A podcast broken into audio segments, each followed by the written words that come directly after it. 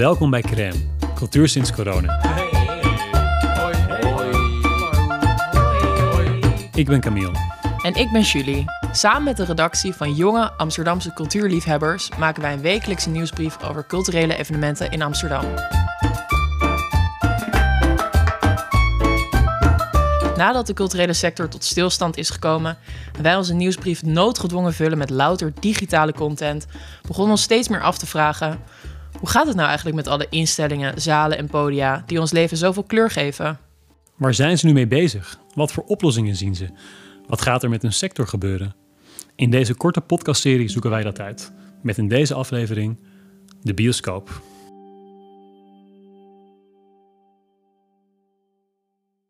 Julie, mis jij de bioscopen? Ik mis de bioscoop zo erg, Camille. Ik heb uh, al meerdere keren gehad dat ik een houseparty uh, borrel had op vrijdagavond. Ongelooflijk brak wakker werd op zaterdag en dacht... wat heb ik zin om nu naar de bioscoop te gaan? ja, ik ken dat soort momenten, maar al te goed. Ja, ik zie eigenlijk op de korte termijn ons niet heel snel meer in de zaal zitten. Ik vrees ook van niet, nee. Wat is de laatste film die jij nog in de bioscoop hebt gezien? Dat was uh, The Lighthouse. Oh. Ik ben wel benieuwd uh, wanneer we weer in de bioscoop zou kunnen zitten. En als we dat dan doen, hoe dat eruit gaat zien. Ja, ik ook.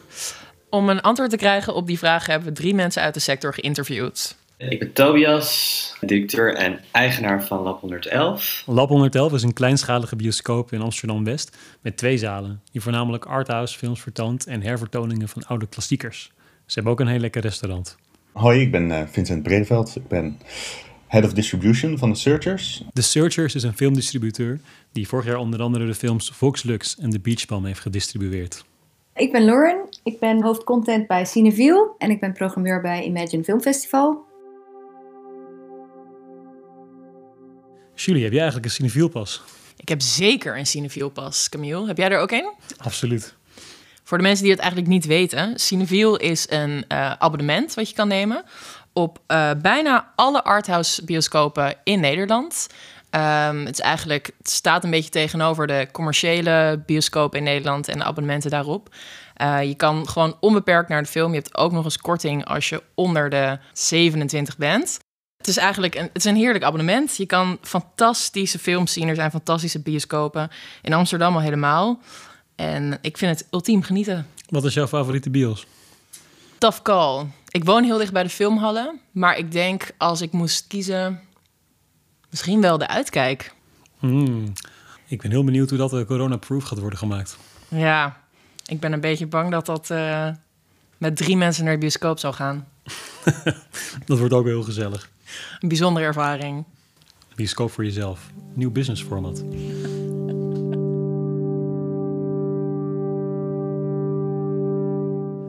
Nadat op 15 maart, 6 uur s avonds, de bioscopen dicht moesten, zijn de zalen leeg. Wat zou jij eigenlijk doen als je een hele lege bioscoop tot je beschikking had? Ik zou al mijn vrienden uitnodigen en nachtenlange marathons houden van Harry Potter en alle series die iedereen maar wilde zien. Maar dat kan misschien allemaal nu niet, of dat kan helemaal niet. Nou, als je het stiekem doet. Ja, precies. Heel stiekem. Ik wil wel langskomen. Is goed. Ga met z'n tweeën op anderhalve op, op, meter. Op anderhalve meter, op anderhalve meter. Ja, ik denk alleen wel dat als je zelf een bioscoop hebt, dat je misschien uh, aan andere dingen denkt die uh, wel handig zijn om te doen nu je bioscoop uh, een tijdje dicht is. We vroegen het aan Tobias van Lab 111. Als je, ja, als je maanden tijd hebt, dan is opeens uh, een stukje code leren. Het is opeens niet meer zo'n grote klus. En as we speak wordt meubilair uit het restaurant gehaald, worden de vloeren gelakt. Ook hebben ze de kans aangegrepen om even tot een moment van bezinning te komen. We hebben zelf wel eens gezegd tegen elkaar van het zou wel lekker geweest zijn als we toen we open gingen eigenlijk nog even twee maandjes hadden uitgesteld en iets meer de tijd hadden voor alles. En kijk, je maakt jezelf allemaal verhalen wijs hoe je, hoe je nu met die, met die crisis omgaat. Maar dit is wel eentje van die ik zeg van nou, misschien moeten we die gewoon zo als, als die periode beschouwen. En dat we even weer de tijd hebben om alles een beetje op orde te brengen. Ja, misschien wel fijn ergens even orde op zaken stellen. Het is als bioscoop natuurlijk ook lastig je hele business model te veranderen. Je kunt niet als bioscoop opeens, zoals restaurants, een takeaway service opzetten. Hoe zit het eigenlijk met Cineville? Betalen mensen hun abonnement door? Nou, Cineville heeft automatisch de abonnementen stilgezet. Ze vonden het heel gek abonnees te laten betalen zonder dat ze naar de film kunnen. Uh, toen hebben heel veel cinefielers gevraagd om een optie om hun abonnementen door te kunnen laten lopen. Um, en op die manier wordt het geld aan de theaters uh, gedoneerd. Een groot deel van de leden heeft besloten dit dan ook te doen. Nee, maar dat voel ik. Ik voel ook echt een, een hele grote familie op afstand. Dat geeft, me heel veel, dat geeft ons allemaal heel veel steun. Heel mooi inderdaad. Tobias van Lab 111 was het hier ook mee eens. Ik ben gewoon heel erg blij met dingen als Cinefiel. Überhaupt dat het gewoon bestaat bij ons. Dat er zoveel mensen uh, een pas hebben om naar allemaal kleine theaters te gaan. En dat dan zo'n groot deel dan ook kiest om zijn lidmaatschap door te maken. Dat is echt, het is zo tof. Als je, kijkt, als je praat met mensen uit het buitenland, dan zijn ze altijd echt gewoon compleet amazed dat, wat is het, twintig concurrerende theaters met elkaar één pas hebben en een lidmaatschap hebben. En dat dat volkomen logisch is. En op die manier die soort van uh, die solidariteit en dat er dan ook zo'n actie is om het pasgeld door te blijven betalen. Ja, dat, dat is wel echt wat het verschil maakt en wat het wel, wat het van wel echt heel bijzonder maakt. Ook, ook dit soort tijden. En daarnaast is Cineville ook iets anders gaan ontwikkelen. Mijn werk is echt totaal veranderd binnen een spannen van een week.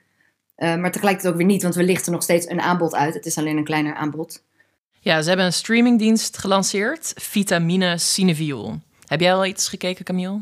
Jazeker, ik heb uh, Minding the Gap herkeken. Oh, dat was zo'n mooie film. Ja, ja, zeker. Een documentaire over uh, skatende jongeren uit een achtergesteld stukje van Amerika. Waarbij je op het eerste oog denkt, oh, lekker, lekker skaten. Maar uiteindelijk blijkt dat er heel veel leed uh, schuil gaat achter de familie. Prachtig vastgelegd door uh, een van de, ja, de hoofdpersonen zelf. Het is ook geen fictie, het is een docu.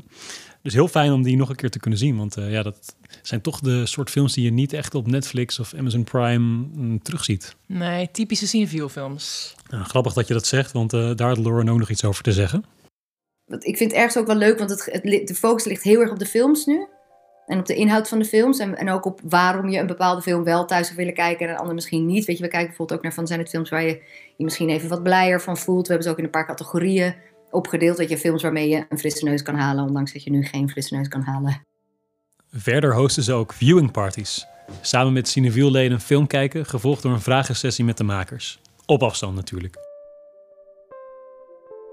Hoe onderhouden ze bij Lab eigenlijk contact met hun doelgroep? Ja, daar zitten ze ook niet stil. Um, bij Lab zijn ze druk bezig om hun social media kanalen in te zetten om de Lab 111 ervaring naar je huis te brengen. Zoals bijvoorbeeld uh, veel Spotify-lijsten uh, met muziek die je vaak bij Lab kunt horen. Uh, of hun restaurant Strange Love. En daarnaast heeft Lab ook de mogelijkheid gegeven om de bezoekers alvast een goedbon te laten kopen voor wanneer Lab weer open zal gaan toen het net afgekondigd werd en nog heel erg druk aan het zoeken waren, hebben we in eerste instantie een, uh, een supportactie voor Lab 111 opgezet waar je bioscoopkaart voor de toekomst, toekomst kan kopen. En daar is enorm, enorm goed op gereageerd. Dat is echt, ja, uh, dat vond ik echt super bijzonder. Onwijs veel mensen hebben dat gekocht en heel veel lieve reacties daarop. Dus dat is wel, dat is wel heel erg fijn. Ja, hartverwarmend. Echt heel fijn dat de bioscoopgangers hun favoriete theater een warm hart toedragen. Maar hoe zit het nou met de films die ze nu zouden draaien? Gaan we die nog zien? Nou, bij Lab is een Terrence Malick retrospectief in het water gevallen. En op het moment van de sluiting van de bioscoop stonden retrospectieven met klassiekers van Xavier Dolan en Agnes Varda gepland. Hopelijk gaan die nog wel later door. Maar voor de reguliere releases van de films is dit anders. Ja, dat denk ik wel. Je ziet ook wel dat de grote titels, zeg maar de James Bonds van deze wereld, worden gewoon verschoven naar het einde van het jaar. Fast and Furious wordt niet nog uitgebracht op eh, VOD, maar die wordt verschoven naar volgend jaar. Maar het lijkt me wel dat er dan heel veel films tegelijkertijd in de bios te zien moeten zijn. Ja, dat is iets wat distributeur Vincent ook opmerkte. Ik denk dat je vooral gaat zien dat het heel druk gaat worden na juli of whatever. En zijn er dan misschien ook films die we niet kunnen gaan zien omdat het te druk wordt in de bioscopen? Er zullen misschien wat films zijn die afvallen, die we misschien niet meer in de bioscoop gaan zien. Maar dat zullen in mijn optiek, denk ik, niet de grote films zijn geweest waar, waar sowieso zeg maar, heel veel mensen op zaten te wachten. Daarnaast vertelde Vincent dat omdat alle films nu worden doorgeschoven, er een probleem opdoet voor de streaming services. Aan het einde van een jaar komen de grote films die eerder in datzelfde jaar in de bioscoop hebben gedraaid online op de streamings. Maar omdat die nu allemaal zijn doorgeschoven, is er voor die streaming services heel weinig beschikbaar. Ja, dat wordt dan weer opnieuw Friends binge in de winter dan maar. Ja, dat kan natuurlijk. Uh, maar er zijn ook wel andere lichtpuntjes. Er gebeurt nu namelijk heel veel op de streaming services. Um, zo is bijvoorbeeld de première van de film Jumbo naar voren gehaald en digitaal uitgevoerd op Pickle. Dat is een online platform waar je films uh, kan huren. Deze première werd ook nog eens vergezeld uh, door een vraagsessie met de regisseur. En dat is natuurlijk wel interessant, want dat is, ja, dat mochten deze kiezers zijn, niet zijn uitgebroken, dan was dat nooit gebeurd. Ik denk dat zo'n platform minder omzet genereert dan dat uh, een theatrical release zou doen. Dat is wel interessant, want dat is daarvoor eigenlijk gebeurde dat soort op, op zo'n grote schaal. Zou dat niet zomaar gebeurd zijn, denk ik, twee maanden geleden. Dan had niemand op deze manier rekening gehouden dat we dat zo, dat, dat zo zou gaan gebeuren. Nou, wellicht dat we dat nu ook uh, vaker gaan zien. Maar het blijft koffiedik kijken natuurlijk. Ja, niemand kent natuurlijk de toekomst. En dat zegt ook Tobias. Ik denk in eerste instantie dat tijd en afwachten in deze gewoon het beste is. Elke voorspelling van hoe het gaat zijn over een paar weken is, uh, het is te vaag of zo. Er zijn gewoon te veel variabelen in elk model. En dus, ja, dus ik, ik geloof er gewoon niet zo heel erg. Ik geloof gewoon eigenlijk niemand die zegt dat het over, over een maand zo gaat zijn.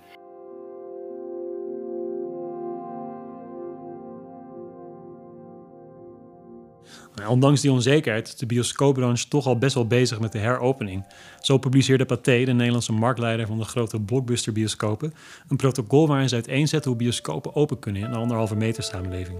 Ja, dat is wel heel interessant. Maar denk je dat mensen het zien zitten om met allemaal vreemden in een afgesloten ruimte te zitten voor 2,5 uur? Ja, met van die rochelende mensen naast je die M&M's eten en dan over jou heen niezen. Ja, ik denk dat ik het zelf best wel slecht zou trekken.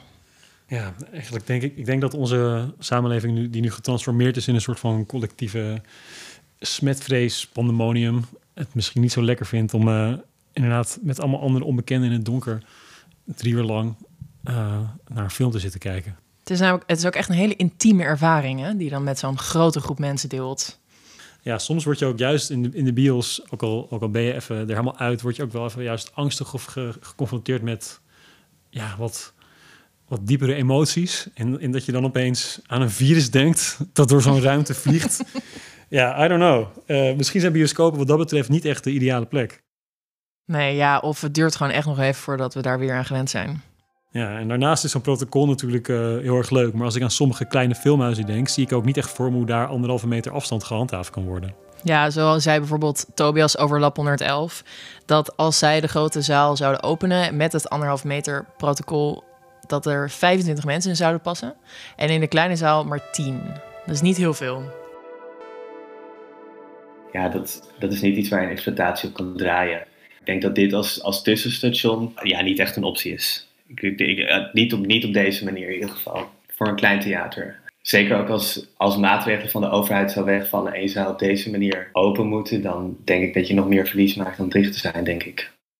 Daarnaast maakt Tobias zich ook grote zorgen om de, ja, de hele beleving van zo'n klein filmhuis. Uh, als je straks met schermen voor de ticketverkoop en looproutes in de weer moet, dan uh, wordt de hele beleving van zo'n intiem theater wel heel erg anders. Dat is toch een stukje minder gezellig dan, uh, dan wat we eigenlijk gewend zijn. Ja, en de hele reden dat we naar de kleine filmhuizen willen. Ja, er gaan natuurlijk allemaal. Er worden wel protocollen geschreven nu voor hoe je een anderhalve meter bioscoopmaatschappij uh, zou kunnen hebben. Alleen er was best wel wat kritiek gekomen op het originele plan wat Pathé volgens mij had geschreven. Omdat de Pathé-theaters op een hele andere manier zijn opgebouwd. Een hele andere doelgroep hebben dan heel veel van de Cineville theaters of de kleinere theaters. Die juist heel erg een eigen identiteit hebben. Dus de uitkijk of zo, weet je wel, dat is een soort, dat is zo klein. Je kunt helemaal niet bedenken dat mensen, dat je daar uh, schermen kan hebben bij de bar. Of dat mensen om elkaar heen moeten kunnen, kunnen worden geleid. Of dat, je, dat er genoeg geld gaat zijn om allemaal beveiligers en weet ik het neer te zetten. Weet je, dat, dat moet echt per theater bekeken worden. Dus ja, die hebben echt steun nodig, denk ik.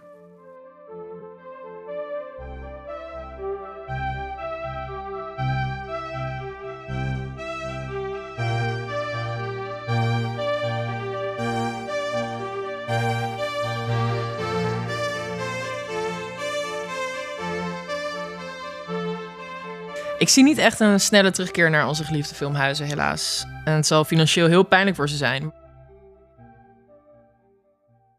Hoe zit het eigenlijk met de distributeurs en met makers?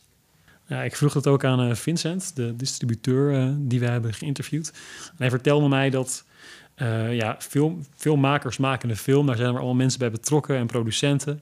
Die producenten verkopen dan uh, een script. Dus eigenlijk de film is nog niet af. Die verkopen een script aan sales agents. Die sales agents verkopen hun, die, het idee van die scripten dan weer aan distributeurs. Dat zijn dus de mensen die de films eigenlijk weer aan de bioscopen leveren. En die bioscopen die huren dan, als de films uiteindelijk af zijn, die films van die distributeurs en betalen een percentage van alle kaartjes aan die distributeurs. En dat gaat dan weer terug naar de sales agents en dat gaat dan weer helemaal terug naar de makers. Dus uiteindelijk is deze hele crisis voor iedereen uh, ja, een enorme dreun, want er zijn dus eigenlijk gewoon helemaal geen inkomsten meer. Als alles zo verbonden is en niemand meer enige inkomsten haalt uit de bioscopen, maar des te meer uit de online filmwereld, wordt deze crisis dan niet de dood van de bioscoopbranche? we vroegen het aan onze insiders. Dit heeft natuurlijk op iedereen een impact, maar ik kan me niet voorstellen dat de grote nu, uh, dat Pathé niet meer zou bestaan na deze crisis. Uh, en ook voor de, de grotere filmtheaters kan, maak me daar ook geen zorgen over. Alleen de kleintjes die vaak echt op de subsidie van de gemeente draaien, dat wordt wel lastiger, denk ik. Want ja, zij hebben, zij kunnen, zij hebben vaak wat minder reserves. Dat mogen ze vaak ook niet echt op die manier kunnen aan, aanleggen natuurlijk. Maar ja, of dat de dood van de bioscoopbranche is, dat weet ik niet. Ik denk wel dat er een paar bioscopen het heel zwaar gaan hebben. Ja, dat denkt ook Tobias. Ik ben natuurlijk het meest bang dat kleine distributeurs of kleine theaters om zullen vallen. Dat, dat, dat, dat, is de, dat is de grootste angst voor verandering. Kijk, er worden in Nederland heel veel films uitgebracht door ook relatief kleine partijen. Die hebben wel vaak hele bijzondere films. Die leven van echt maar een beperkt aantal titels per jaar. Als er al één film uitkomt en het, wordt net, het is net een seizoen dat het enorm hard sneeuwt of onverwacht veel zonneschijn is of alleszins zo pech is, dan kan dan een heel jaar kapot gemaakt worden. Dus laat staan wat er nu met zoiets als corona gebeurt. Dus dat, dat in mijn angst zit vooral bij die soort van industrie tussen aanhalingstekens kant. Niemand in de culturele sector, behalve de echt grote spelers, hebben, hebben buffers om zoiets als dit op te kunnen vangen. Het lijkt er sowieso niet op dat de grote spelers om zullen vallen, denkt Vincent. Weet je, ik kan me niet voorstellen dat Disney en Universal nou echt hele, hele zware problemen nu hebben. Nou ja, verder zat de bioscoopbranche flink in de lift met een stijging van 20 miljoen bezoekers in 2005 tot ruim 38 miljoen in 2019. Nou, dat is in ieder geval weer goed nieuws. Ja, zeker. En ik kan me ook niet echt voorstellen dat al die mensen nu opeens de bank en Netflix verkiezen boven zo'n bioscoopzaal. Nee, ik kan me echt niet wachten om me helemaal te verliezen. 2,5 uur lang in een of ander prachtig verhaal. Mijn meest intense bioscoopervaring was misschien wel bij Lab 111... toen ik Stalker zag op een vrijdagmiddag half drie middags. Die Tarkovsky-film uit uh, Sovjet-Rusland. Zeker. Uh, ik kan het iedereen aanraden, maar eigenlijk niet. Hij staat nu ook toevallig op Vitamine Cineville om hem daar te kijken. Maar ja, bij gebrek aan beter. Ik kwam echt volledig gespaced uit die bioscoopzaal. Het duurde echt heel lang voordat ik weer in Amsterdam in Lab 111 was. Ja, dat is wel iets dat zo'n bioscoop echt met je kan doen, hè? Nou, dat is ook hoe uh, Tobias, Lauren en Vincent hierover denken. Ja, ik mis ook gewoon heel erg de soort van immersive ervaring van in een bioscoop zitten en gewoon 2,5 uur ongestoord naar iets kijken. En ik denk dat dat is toch iets wat niet echt ehm, thuis gehaald kan worden of onovertroffen is. Dus daar ben ik zelf niet zo bang voor. Of dit dan inderdaad de definitieve doodsteek wordt van de filmsector. Voor mij in ieder geval kan niks dat, dat grote scherm en dat met z'n allen tegelijk lachen, griezelen, uh, evenaren. Ik denk dat iedereen die ooit in de bioscoop heeft gezeten wel weer terug wil naar de bioscoop. Want je wil ja, de beste films zie je op het grote doek. En dat is ook gewoon de manier waarop je ze moet zien. En daarnaast denk ik dat als er iets is dat deze crisis duidelijk maakt, is wat voor een warm hart de bioscoopbezoekers de theaters toedragen. Ja, dat is zeker waar. Dat zien we natuurlijk met al die cinefiel pashouders die een abonnement door laten lopen. En daarnaast ook bij Lab dat voorbeeld dat schreven dat al die mensen al een kaartje voor de toekomst hebben gekocht. Ja, en ook echt leuk dat er nu online premières zijn en viewing parties. Ja. Halen we toch nog uh, iets uit deze crisis. Ja.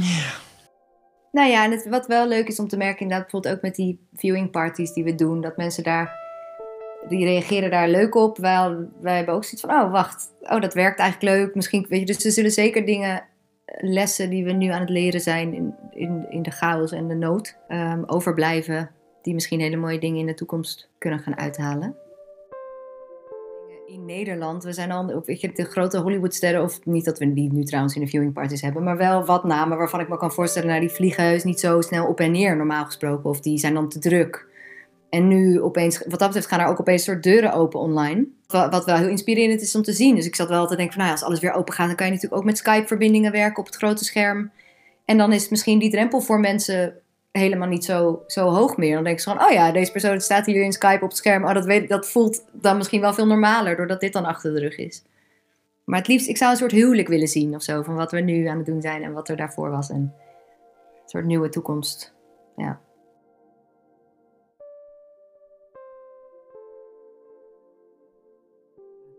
Dus ik, ik heb daar ook, er zijn ook hele mooie stukken al inmiddels over geschreven. Christopher Nolan had een mooi stuk geschreven, de regisseur. Over de magie van cinema in een cinema. Ik heb toch wel het vertrouwen dat dat in ieder geval zal blijven trekken. Het is ook troost voor heel veel mensen. Hetzelfde geldt voor kroegen. Zo weet je gewoon plekken waar je juist als er zoiets is gebeurd als dit, dan wil je zien hoe de kunstwereld daarop reflecteert, hoe makers daarop reflecteren. Dan wil je het met elkaar erover kunnen hebben daarna in het café van het theater. Weet je. Dus ik kan me juist voorstellen dat als alles weer mag, dat mensen het heel erg nodig hebben. En nu, Julie? Ja, ik denk, Camille, dat de directe toekomst is nog vrij onzeker. Wat we op korte termijn kunnen verwachten en wat de bioscopen nog allemaal staat te wachten. Er is enigszins duidelijk geworden wat we op lange termijn wel kunnen verwachten. Wat uh, bijvoorbeeld Vincent uitgebreid vertelde. Uh, maar ja, het is eigenlijk nog heel moeilijk te voorspellen wat er met de bioscoop op korte termijn gaat gebeuren door de crisis. Ja, maar ik denk dat we het over één ding wel eens kunnen zijn. En dat uiteindelijk over. Ik weet, we weten niet hoe lang, maar dat uiteindelijk wij wel weer in die, in die rode stoelen zullen gaan neerploffen. Ja, ik zie je daar. Ik heb er nu al zin in. Same.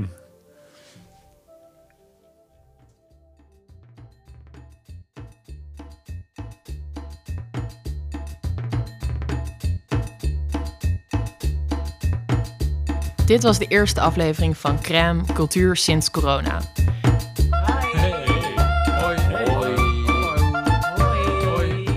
Heel veel dank aan onze gasten Vincent Bredeveld, Lauren Murphy en Tobias de Jong voor de goede gesprekken en de heldere inzichten. Deze podcast is gemaakt door Camille Wijfels, Julie Boot, Geert Vlieger en Michiel van der Pad. Bedankt voor het luisteren en vergeet je niet te abonneren op de podcast in je podcast-app en op de nieuwsbrief op www.crème.amsterdam.